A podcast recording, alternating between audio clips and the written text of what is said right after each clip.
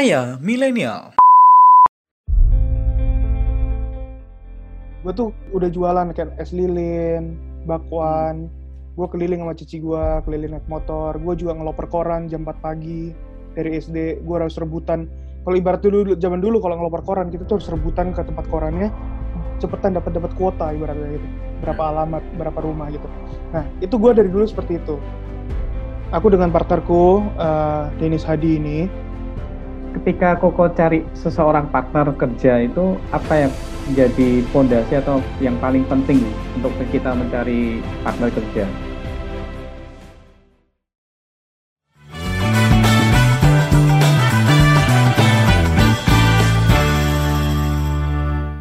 Hai semua kawan-kawan milenial, semoga kita semua dalam keadaan baik tentunya. Nah, nggak kerasa kita balik lagi di dalam podcast saya milenial. Hari ini gue nggak sendiri, gue ditemani oleh si Victor. Hai Victor. Halo. Nah, Thor, dalam masa-masa Ya. seperti pandemi sekarang ini, pasti setiap kita itu dituntut ke kreativitas yang tinggi, betul nggak sih? Benar. Dan mungkin ini kan semua orang kan dalam masa-masa corona atau mungkin sekarang udah mulai kembali ya ekonomi di Indonesia sudah mulai bergerak juga. Hari ini tema kita cukup menarik nih Tor. Kita mau berbicara eh, dari sisi seorang narasumber yang memang dia ini punya jiwa yang entrepreneurship banget lah. Wah, menarik nih. Siapa itu Komek? Nah, jadi ini temen gua dulu ketika kita studi bareng di Jerman. Ini bahkan lebih dari itu. Ini teman satu ranjang gua dulu, Tor. Jadi gua sudah cukup mengenal orang ini cukup lama. Eh, kita mau perkenalan dulu nih. Namanya si Billy. Hai, Bill. Oke, three, two, one, close the door. Nah, dari tadi gue tuh mau, gue tuh udah nungguin mau ngomong lama banget. Kapan gue kan ngomongnya? kita opening dulu lah bentar, ya kan? Mas mumpung masih baru. Kalau orang yang suka bisnis tuh rasanya jiwa lidahnya tuh kuat, pengen ngomong, Ngomong. terus. Pengen Oh, ngomong siap. terus ya? Oke, jadi Iya. langsung to the point ya tanyanya ya. Oke, udah, Bill. oke. Apa? Coba kenalin Jadi- sedikit background lu nih. Gue saat ini lebih banyak usaha, emang usaha 100% usaha. Gue ngerjain bareng sama partner, beberapa partner untuk sekarang. Ehm, terus yang gue kerjain di dunia F&B pastinya, dan di dunia investasi sih. Kalau investasi Wow. sendiri. Wow. Oh, nggak sama gue ya? Nah, itu boleh, Mac. Nanti kita pikirkan tuh. Wah, nanti itu kita bisa tema-tema berikutnya lagi tuh, Tor. Investasi. Lu juga harus belajar loh, Tor. Investasi, Tor. Nanti kita buatkan ini ya, eh, pelajaran khusus ya. Iya, ya ada kelasnya ya. Yoi, Kelas yoi. premium. Bill, tapi ngomong-ngomong, boleh tahu nggak umur lu tuh sekarang berapa sih? Gue masih milenial, masih kepala dua. Mas, masih termasuk lah ya. Iya, gue tahun 90 kelahiran, hampir menyentuh kepala tiga Desember Desember ini. Ini bisa kita jadi sebuah, ini judulnya bagus nanti, kisah menarik seseorang yang sukses sebelum umur 30 tahun, ya nggak? Yes. Wah. Mantap. Kalau dibilang sukses belum umur 30 belum. Tapi kalau berkarir di dunia eh, bisnis di bawah umur 30 itu boleh dibilang. Tapi untuk sukses eh, jalannya masih ke depan. Nanti kita bicarakan itu lebih dalam ya. Asik. Aku mau flashback nih kok untuk garis ke belakang nih. Kok Billy ini kan lulusan Jerman, terus kemudian memutuskan untuk kembali ke Indonesia. Itu tahun berapa kok memutuskan untuk kembali ke Indonesia? Terakhir di Jerman tuh tahun 2016 eh, bulan Juli aku pulang. Jadi waktu itu memikirkan eh, kehidupan agak stagnan ya di Jerman, nggak ada yang kurang-kurang challenging gitu. Akhirnya memutuskan Hmm. ya udahlah, balik aja lah ke Indo. Apa yang membuat Ko Billy itu eh, memutuskan untuk yakin untuk kembali ke Indonesia? Sebenarnya sih pertama kurang yakin ya, jujur. Aku tuh orangnya sangat jeleknya itu sangat jeleknya ya, agak dibilang jelek ya. Ikut selalu berani, ibaratnya nggak ngikutin arus. Harusnya arusku ke mana, tapi aku ngelawan ngelawan. Ibaratnya kayak ikan salmon lah. Asik. Positif gitu. berarti ya harusnya. Iya. Eh, ja- tapi jatuhnya jadi positif karena karena aku merasa aku nggak berkembang gitu. Hidupku Hmm. kayak di di kotak itu aja. Tapi once kamu akan keluar dari kotak itu ya, kamu kan itu yang aku pikirkan ya udah Hmm. jalanin dulu gitu. Kadang-kadang orang ya beda ya. kan aku juga maksudnya dari dari kecil aku diajarkan agama aku untuk selalu beriman, diajarkan untuk selalu berani uh, bertindak. Ketika aku sebelum bertindak aku tanya Tuhan apakah aku harus pulang. Akhirnya uh, hmm. Kathy uh, yang sekarang mantan mantan pacarku yang sekarang Asik. jadi istriku. Ya, ya, jadi istri. Wow. Ya, dia memutuskan untuk pulang ya, itu mungkin salah satu jawaban aku harus ikut pulang gitu. Hmm, hmm. Gitu. Jadi itu yang memutuskan ya udah deh pulang gitu. Nah, oke. Okay.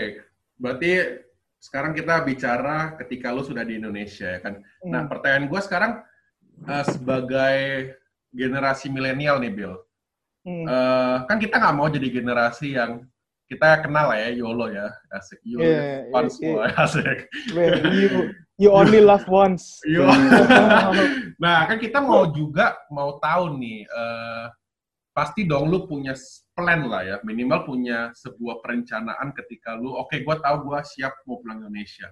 Boleh hmm. tahu nggak sih waktu itu uh, apa persiapan yang lu buat sebelum akhirnya lu pulang Indonesia? Apakah waktu itu lu udah tahu, nah Tor, apa si Billy ini, gue tuh kenal hmm. dia, dia itu pejuang keras Tor, dia tuh kerja giat banget. Ini sedikit flashback ya.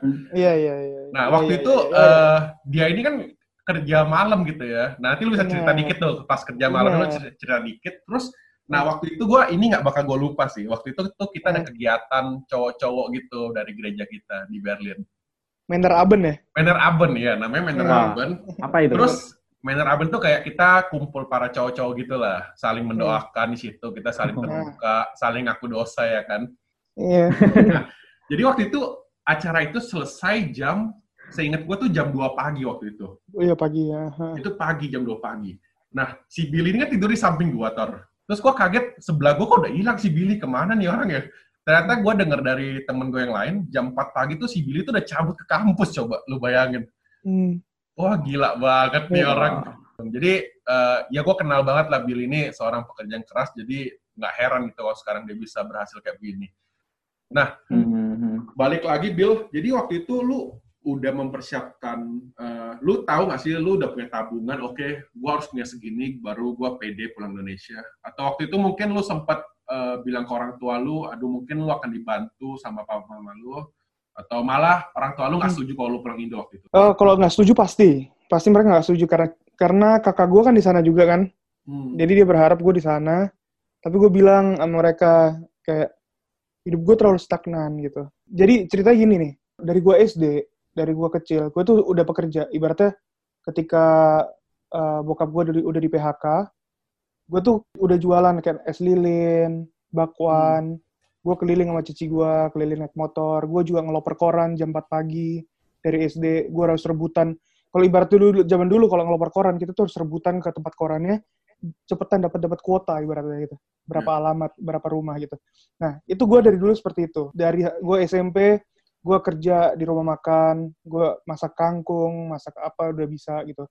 Dan waktu SMA, gue memutuskan gue pindah ke uh, lulus SMA, gue ke Jakarta, gue kerja di Mangga Dua kayak gitu. Sambil gue ngumpulin biaya untuk gue bisa ke Jerman. Plus, gue inget gue beliin nyokap gue emas waktu itu ulang hmm. tahunnya dia. Karena uh, gue kerja di Mangga Dua dengan gaji 1,7. Itu udah besar lah, zaman tahun 2008 hmm. tuh gede loh, 1,7 itu. Yeah. Maksudnya inflasi masih kecil kan. Gue selalu berpikir ketika orang bekerja keras tuh pasti akan sukses gitu. Hmm. Gitu. Ketika orang bekerja keras dan hidup benar. Nah itu lagi ada ada embel-embelnya tuh. Lu nggak nyakitin istri lu, lu tetap uh, rajin beribadah, rajin berpuluhan, kayak gitu gitu. Hmm. Itu hmm. itu juga part of uh, your success tuh. Yeah, yeah. Nah waktu itu gue waktu mau balik ke ke Indo gue cu cuman mikir gue nggak ada nggak ada maksudnya pegangan gue tuh dikit gitu tapi gue ingat gue tuh dari gue kecil gue nggak pernah namanya ngerepotin orang tua. Dan kalau bisa gue tuh bisa bisa memberi berkat orang tua. Sampai di Jerman pun gue tetap kirim-kirim duit kan maksudnya. Tetap ngasih itu ada berkat buat orang tua. Dan menurut gue itu pun mungkin part uh, uh, dari sukses gue yang karena gue juga memberi itu pada orang tua gitu. Itu yang ya. mungkin bisa diadop ke zaman anak-anak milenial sekarang. Jangan lupa apa yang siapa yang ngelahirin lo siapa yang gedein lo itu Walaupun kecil lu susah gitu. Tapi kan itu bukan mau orang tua juga gitu. Emang keadaan yang menuntut itu. Dan Benar. kita sebagai anak, anak milenial yang kita melihat past tense kita seperti maksudnya kita seperti itu, ya kita yang merubah sekarang gitu untuk anak kita ke depan misalnya gitu. Jadi itu yang harus harus dicamkan di otak sekarang gitu. Sangat menginspirasi sekali. Ibaratnya gitu. Bung yang ini. Tor gitu Tor, jangan Am- sakitin hati istri. Nah, nah itu penting. Belum belum punya saya. Jadi carilah istri yang mendukungnya, Abil. Benar, pen- Ah. benar itu penting, penting banget. Nah, ini ketika lu sudah di Indonesia lagi ya, Bil ya. Eh, jadi kita pengen tahu sih, sebelum lu memulai usaha itu, sebelum lu menjadi seorang entrepreneur, mungkin banyak kawan milenial yang pengen tahu juga. Eh, waktu itu ketika lu pulang Indo, step pertama yang lu lakukan di Indonesia itu apa? Apakah lu langsung nekat terjun menjadi seorang entrepreneur? Ataukah waktu itu lu sama seperti kita-kita ini, atau Victor bahkan yang baru fresh graduate juga, melamar pekerjaan ke sebuah perusahaan? Gue sering dapat pertanyaan tuh, Mac. Tanya gue ke DM, lu gimana waktu pulang Indo? Gimana caranya? Termasuk salah satu teman kita yang udah pulang gitu. Gimana waktu pulang? Akhirnya gue ngasih arahan yang sama ke semua orang. Ketika lu pulang ke Indo, jangan berani-berani buka bisnis kah langsung. Kalau lu nggak- belum punya networking gitu. Kecuali emang lu Hmm. dari awalnya udah selebgram atau influencer di sana dan lu membuka di sini ya emang orang-orang kenal sama lu gitu tapi kalau belum kita belum punya nama belum tahu siapa maksudnya kita posisinya di Indonesia ini nggak ada nggak ada teman gitu dan Hmm. eh, menurut gue sih harus bekerja dulu ya jadi kemarin waktu sebelum pulang Indo emang kan udah tau, udah tahu mau pulang jadi tiga bulan sebelum mau pulang udah masuk masukin eh, lamaran. Gue inget waktu itu masuk ke Toyota gue ditolak juga nggak dipanggil. Terus akhirnya gue masuk ke Bank Permata. Gue kerja di sana sebagai uh, marketing which is S1 cuman gajinya pertama itu cuma 5 lima juta tujuh ratus. Ya tapi kan Hmm. untuk di Indonesia tuh udah lumayan lah. Jadi kan apa ya maksudnya apa eh, kalau di di di Euro kan mungkin sangat sakit hati ya. Gila gue gue kemarin gue kemarin kerja di di Jerman bisa dapat dua- dua- 2.400 3.600 sekarang cuma dapat ibaratnya 400 euro gitu. Iya. kayak kecil. Ya tapi kan emang beda GDP kita tuh ibaratnya beda lama sama di di Jerman. Menurut gue tuh kayak penting ketika lu pulang lu harus coba membangun networking. Makanya gue Hmm. bilang gue pernah bilang juga sama lo Mike kayak gue pure 100% teman gue sekarang tuh baru semua tiap orang kan beda-beda kita nggak bisa menuntut gitu Hmm. ada orang yang uh, uh, sanguin ada orang yang melankolik jadi jadi Hmm. beda-beda gitu kebetulan gue orang sanguin kayak gampang Iya. gampang untuk beradaptasi Hmm. jadi kalau emang ketika uh, kita orang anak-anak milenial yang udah selesai kuliah dan memutuskan, aduh, udah deh nggak mau nggak mau lanjut di Jerman, akhirnya memutuskan pulang Indo, pastikan kita bisa beradaptasi dengan orang, kita bisa membangun networking. Itu salah satu uh, kenapa gue bisa sampai sekarang di sini di bawah Tuhan. Ya, gue suka berteman gitu. Gue suka Hmm. menjaga hubungan dengan orang. Gue suka belajar dari orang. Gue nggak pernah merasa selalu tinggi hidupnya. Kayak gue ngerasa ya, gue perlu belajar terus. Entah sampai kapan itu gitu. Sampai Hmm. ini ya sampai sampai pensiun harusnya gitu. Udah Ya. stop gitu. Tinggal Hmm. maintain hubungan aja gitu. Tapi untuk belajar tuh harus terus. Even bahkan sampai umur 70 tahun, 80 tahun, ataupun sampai H-1 jam sebelum kita harusnya udah menghadap ke sana Yang gitu. Iya, kita tetap harus belajar gitu. Kita belajar anugerah apa yang udah kita dapat itu terus di, dipikirkan lah. Hmm. Nah, benar banget sih kok. Aku setuju banget sih dengan apa yang Koko sampaikan. Pertanyaanku, ketika Koko cari seseorang partner kerja itu apa yang menjadi pondasi atau yang paling penting kok untuk kita mencari partner kerja? Semua balik lagi ke trust. Trust itu nomor Asik. satu ketika. Trust itu balik semua ke bisnis. Tanpa trust, bisnis akan kacau. Jadi, aku dengan partnerku, eh, Denis Hadi ini, aku sebutin namanya. Hmm. eh, Oh coba dia- sharing sharing sedikit dong Bill. Lo Iya, apa- kok bisa lo- ketemu bener. Bisnisnya Nah, apa iya. aja? Nah, j- jadi jadi tuh kita kita tuh ketemu di Bank Permata. Kita kerja bareng. Ah, Kita iya sama-. Kita sama-sama marketing. Terus eh, kita sempat ada obrolan gitu. Ya kembali lagi karena aku suka berteman. Sebenarnya kita nggak terlalu dekat waktu di sana, tapi kita pernah punya omongan. eh, ya aku orangnya juga suka bisnis. Kayak udah ada bisnis rumah makan juga di Surabaya. Terus bisa masak dan segala macam. Akhirnya eh, kayak by the time kita ngobrol-ngobrol lagi, aku udah balik Surabaya nih. Hmm. Dia di Jakarta, kita ada obrolan gimana apa? Kita buka uh, catering di Surabaya gitu. Jadi sebelumnya itu di Jakarta udah jalan, dia udah jalan. Ya. Jadi akhirnya uh, memutuskan, oke kita buka yuk gitu Surabaya dan akhirnya berkembang di Bandung, berkembang di, Bal- di Bali, ada Tangerang, Medan. Dan akhirnya Oke. di situ kita saling menopang ya. Ibaratnya aku lebih ke orangnya ke lebih ke operasional kayak kayak gue tuh lebih eh, ngerti masakan gitu. Eh, Hmm. Terus ini lebih ke front end marketing.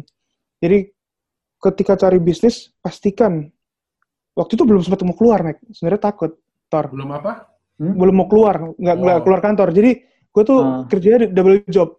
Jadi gue gue pagi ya biasa kerja kayak di Jerman gitu. Gue pagi tuh jam 4 pagi gue bangun ngurusin catering. Gue jam 9 Hmm. berangkat kantor. Wah. Sampai jam 7 malam, Sampai jam berapa? Tujuh malam. jam 7 malam ngurusin lagi catering. Sampai jam 12 Besoknya. Gila. untuk besoknya. Ba- Terus bangun lagi jam 4. Ibaratnya tidur cuman 4 jam. Empat jam. Hmm. Selama satu tahun, enggak, cuma 6 bulan doang sih. 6 bulan Enam akhirnya bulan. memutuskan untuk untuk keluar. eh, aku pindah ke Serpong. Kita benar-benar Hmm. fokus di bisnis ini, which is Hadi Group. Hmm. Eh, kita kita akhirnya ya udah kita fokus di sini. Dan setelah setahun, akhirnya aku punya ide untuk buka, kita ngobrol, kita buka untuk salad. Hmm. Nah, tapi tetap eh, aku adopt namanya Dennis Salad Bar by Hadi Kitchen. Hmm. Itu juga lagi cukup booming ya sebelum apa dari tahun lalu ya itu ya. Dari tahun lalu, udah Oh, dua iya. tahun, Mike. Udah, Dua eh, tahun, satu ya? tahun. Udah mau satu tahun setengah ya. Billy nggak makan sayur, woy. Jualannya salad. Ma- Makan, makan. Tapi sayurnya ibaratnya 10 persennya lah. 10% sayur, 90% daging. Protein. Kan gue lagi diet, Hmm. Mike. Lebih banyak protein bulking. Lagi bulking. Berarti peran network ini sangat penting banget ya kok untuk kita Sangat, sangat. bisnisnya. Hmm. Benar, Hmm. benar. Kayak sekarang pun aku bangun bisnis baru, Kobil Paca Hmm. namanya. Wah, ini menarik juga nih Kobil Pacan ya. Cek di Instagram Kobil Pakcan. Kobil. Pacan. Nah, Kobil Pacan. nah Kobil Pacan nih juga eh, awalnya tuh namanya dap- dapur gendut. Oh, dapur gendut. Iya. Karena Dapur- size size lo gitu kan. Waduh. Kalau dia. ini ini kalau Ini cut, cut, cut. Nah, ya dia. sumber. ya apa sih kita Victor nggak sama malu ter santai ter Ya. kamu, kamu ngomong ngomong apa aja nggak apa-apa sekarang namanya podcast tuh nggak boleh dekat Lanjut. lanjut lanjut jadi kita akhirnya memutuskan membuat networking baru karena nggak kerja nggak bekerja dengan baik Hmm. gitu nggak semua bisnis loh kita bisa sukses nggak semua bisnis Hmm, menjanjikan kita sukses tapi benar-benar. ketika kamu kerja keras itu mungkin bisa membaik gitu untuk mengarah ke sukses itu gitu Ya. mungkin gagal gagal bisa tapi kita harus bangun gitu bukan gagal menyerah kan pi- pilihannya gitu kan Hmm. gagal antara kamu menyerah atau lanjut gitu Hmm. dan akhirnya aku memutuskan eh, guide temanku itu eh, nam- dia punya usaha namanya selera pacan nah akhirnya kita eh, yaudah kita join deh Dan Kita join. muncullah namanya Kobil Pacan itu dan ya. muncullah nama Kuil Pacan dengan logo yang baru. Untuk cara cari endorse-nya dan marketingnya, eh, hubungin saya langsung. Waduh. Nanti bisa kontak ke Instagramnya langsung ya kan, Kobil Iya. Pacan.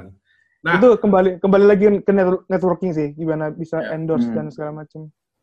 jadi ya kita belajar hari ini buat kawan milenial semuanya, networking itu penting banget. Jadi Banget, itu benar banget. sih, kayak hampir semua orang bilang itu ya nggak sih? Kak, Tor, kalau lu inget dulu si Hmm. Parama juga bilang gitu. Kalau Parama itu nggak cuma sekolah ya nggak sih? Tapi Iya. bagaimana di luar jam sekolah itu dia bersosialisasi dengan yang lain, ikut Ya, ikut OSIS organisasi. lah, ikut organisasi. Jadi dari situ tuh kayak kita juga melatih diri kita ya nggak sih? Wah, seru banget ya guys kisah dari Billy Won. Masih penasaran kan dengan kisah selanjutnya? So, stay tune with us di Saya Millennial Podcast. Kalau kalian punya feedback dan saran, jangan ragu-ragu untuk DM kita aja di Instagram @sayamillennial. Aku yakin lewat feedback dan saran kalian, kita akan terus berkembang jadi lebih baik lagi dan bisa terus untuk menginspirasi kawan-kawan milenial yang lain. Stay tune with us. Saya milenial, kita kawan milenial.